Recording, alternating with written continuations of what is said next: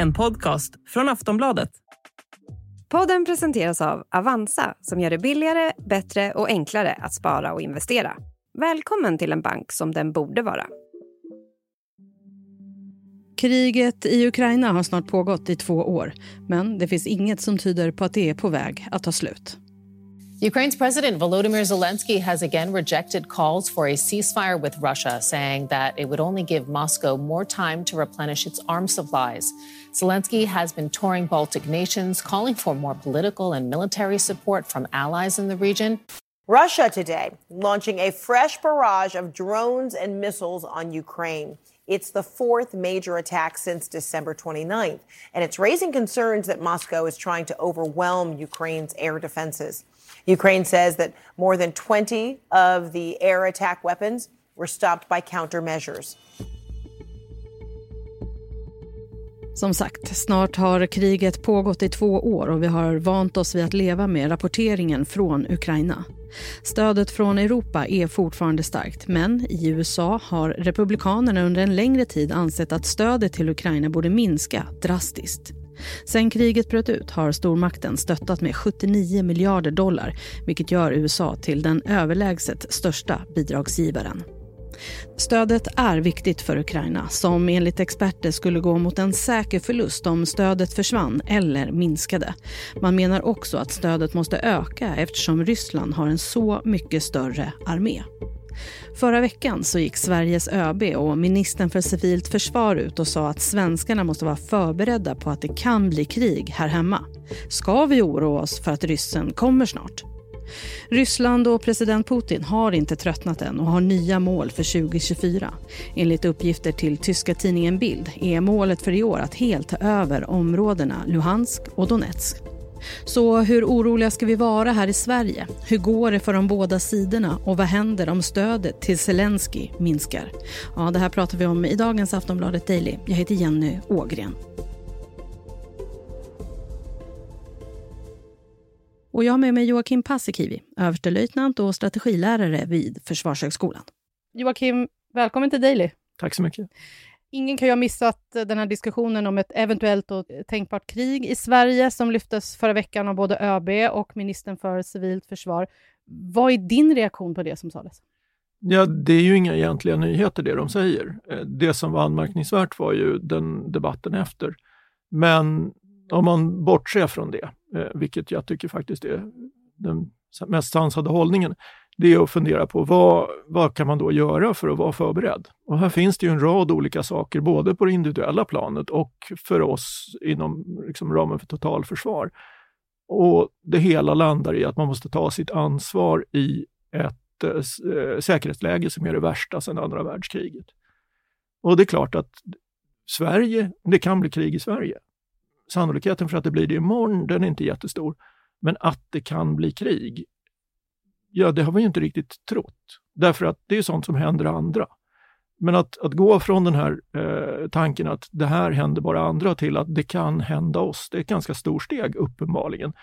Men det är ett viktigt steg därför att är vi inte förberedda så är vi också eh, mer sårbara. Är vi mer sårbara så är vi ett lättare offer. Så hur oroliga behöver vi vara? Jag tycker inte vi ska vara oroliga, vi ska vara eh, vaksamma och eh, förberedda. Joakim, du är väl insatt i Sveriges eh, beredskap, tänker jag mig. Hur ser den ut, tycker du? Nej, alltså försvarsplanering och totalförsvarsutveckling, det, eh, i viss utsträckning så eh, är, är den liksom förbehållen myndigheterna, för det är ju en hel del sekretess i det. Det har jag ingen aning om vad som försiggår och sen börja tala om det. Alltså mitt generella intryck är precis det som, som det talas om och, och där får jag ju samma information som alla andra, det vill säga det finns en hel del återtag att göra. Det behöver byggas upp. Vi la ner mycket eh, när vi trodde att den eviga freden hade kommit. Nu är det mycket att göra för att återta både militär och övrig totalförsvarsförmåga. Om vi då tar och vänder blickarna mot eh, Ukraina och kriget som pågår där, hur går det i kriget? det går dåligt för båda. Eh, och det gör ju att eh, väldigt många soldater stupar och Eh, i Ukraina också civila som dör. Eh, men under hela förra året så har fronten i princip inte flyttat på sig. Alltså det är hårda strider längs 100 mil front, men ingen har lyckats ta mycket terräng. Ryssarna tog Bachmut, en stad stor som Växjö, efter, beroende på hur man räknar, åtta eller fem och en halv månaders offensiv. I övrigt så är det frågan om någon kilometer här och var. Ehm, så att det är förskräckligt tråkigt helt enkelt, på alla sätt. Mänskliga och eh, militära och, och civila. Uh, nej, usch. Innan sommaren så var det väldigt mycket prat om den ukrainska motoffensiven som skulle dra igång. Hur har det gått med den? Ja, den misslyckades. Det var det gick inte. Jag hade ju likhet med ukrainarna naturligtvis, för de hade ju inte startat den om de inte trodde att den skulle lyckas. Jag trodde att de hade hyfsade förutsättningar för att det skulle kunna gå framgångsrikt eh, och att man skulle kunna nå åtminstone begränsade mål, förhoppningsvis liksom hela vägen ner till Azovska sjön, men åtminstone kanske halvvägs. Men man kom en och en halv mil av tio eh, och man tog några byar och det berodde på att de ryska försvarsförberedelserna var för starka. Alltså försvarade mineringar som var bredare och djupare än vad någon har sett ja, sedan andra världskriget. Eh, och det gjorde att nej, man, kom inte, man kunde inte uppnå ens de begränsade målen. Eh, man körde fast, men eh, det betyder inte att ryssarna har liksom vunnit någon annanstans, utan det är att risken blir ökade då för att det här skulle bli en, ett långvarigt krig. Vi ska snart prata mer med Joakim Paasikivi. Vi är snart tillbaka.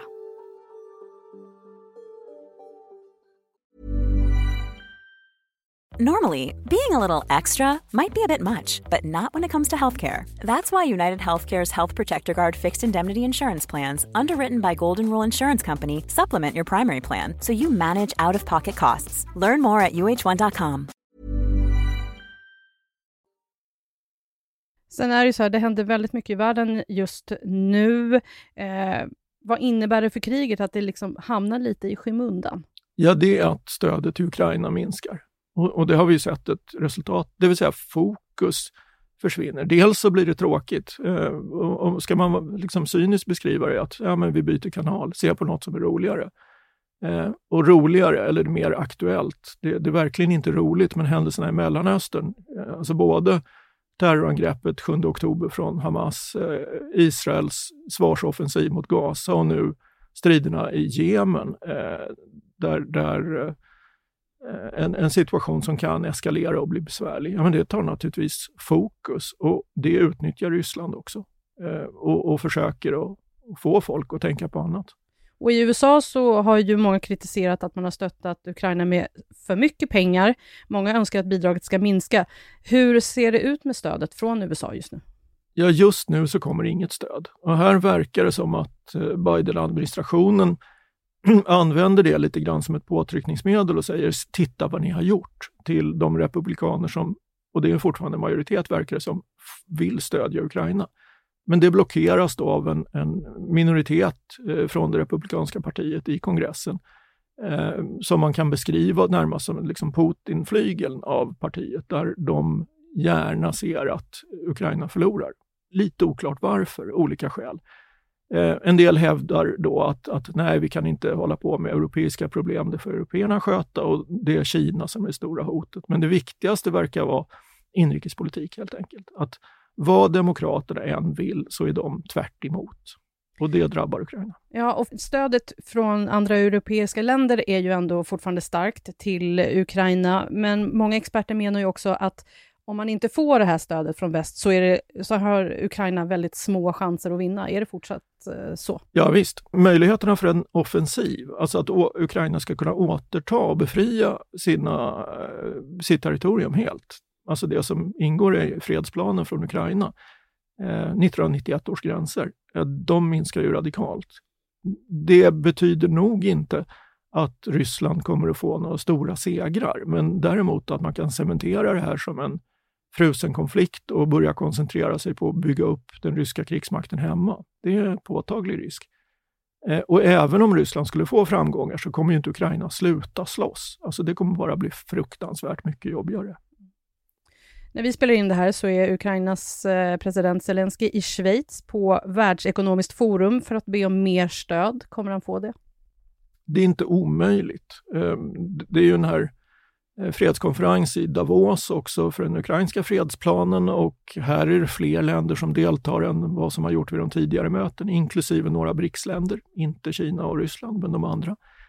Så att, jag menar, det är inte omöjligt, men han jobbar lite i motvind. Alltså det europeiska stödet är fortsatt starkt. Sverige ökar sitt stöd, balterna är lika obevekliga som tidigare. Polen med ny regering ser hoppfullt ut. Som du nämnde, Tyskland, Storbritannien, Rishi Sunak var nyss i, i Kiev.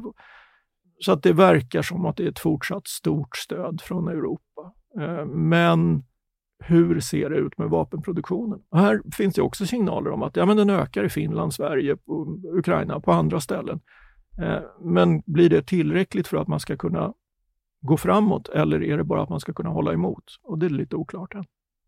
Vi får se hur det utvecklas helt enkelt. Det man önskade höra är ju någonstans om att Putin och Ryssland var på väg att tröttna men så är det förstås inte. Vet vi vilka mål Putin har satt upp för 2024? Nej, det de säger är att eh, de, de ursprungliga målen står kvar. Alltså avnazifiering och demilitarisering och massa andra sådana här fantasifoster. Eh, sen pågår ju det som, eh, den här lojalitetsparaden som kallas presidentval. Alltså Putin har ju vunnit eftersom han ställer upp. Och I den retoriken så ingår att det går bra för Ryssland och att de i princip har vunnit och, och når sina mål trots att hela världen, eller åtminstone hela väst, är emot dem och anfaller. För det är ju vi som har startat kriget enligt Putin. Så att det, än så länge så finns det inga tecken på att man skulle eh, från rysk sida vika från det här att nej, men vi ska fortsätta så länge det behövs eh, in i evigheten. Och spekulationerna är då, kommer man att efter presidentvalet att mobilisera en gång till eller annat? Vi får se. Ekonomiskt så skulle det bli svårt för Ryssland, så jag är tveksam. Joakim, vi går mot tvåårsdagen för kriget. Vad tror du kommer hända under det här året?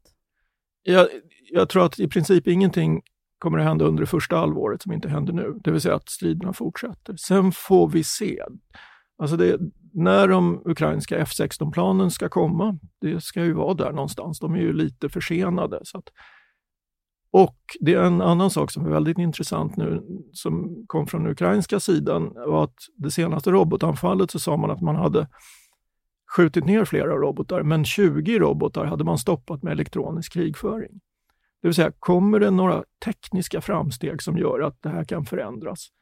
Eh, och nu har ju Ukraina enligt uppgift eh, natten till idag, eh, när vi spelar in det här, skjutit ner två stycken väldigt viktiga radar radarspanings och stridsledningsflygplan. Alltså den här typen av saker kan förändra, men jag tror att ja, fram till vårkanten kommer väldigt lite nytt att hända. Andra halvåret, ja kanske, men det är också nästan lika sannolikt att det här bara fortsätter. Tack för idag Joakim. Tack. Sist här Joakim Paasikivi, överstelöjtnant och strategilärare vid Försvarshögskolan. Jag heter Jenny Ågren och du har lyssnat på Aftonbladet Daily. Vi kommer ut med nya avsnitt på vardagar, så följ oss i Aftonbladets app så missar du inga avsnitt. För det senaste om kriget i Ukraina, gå in på aftonbladet.se. Vi hörs snart igen. Hej då!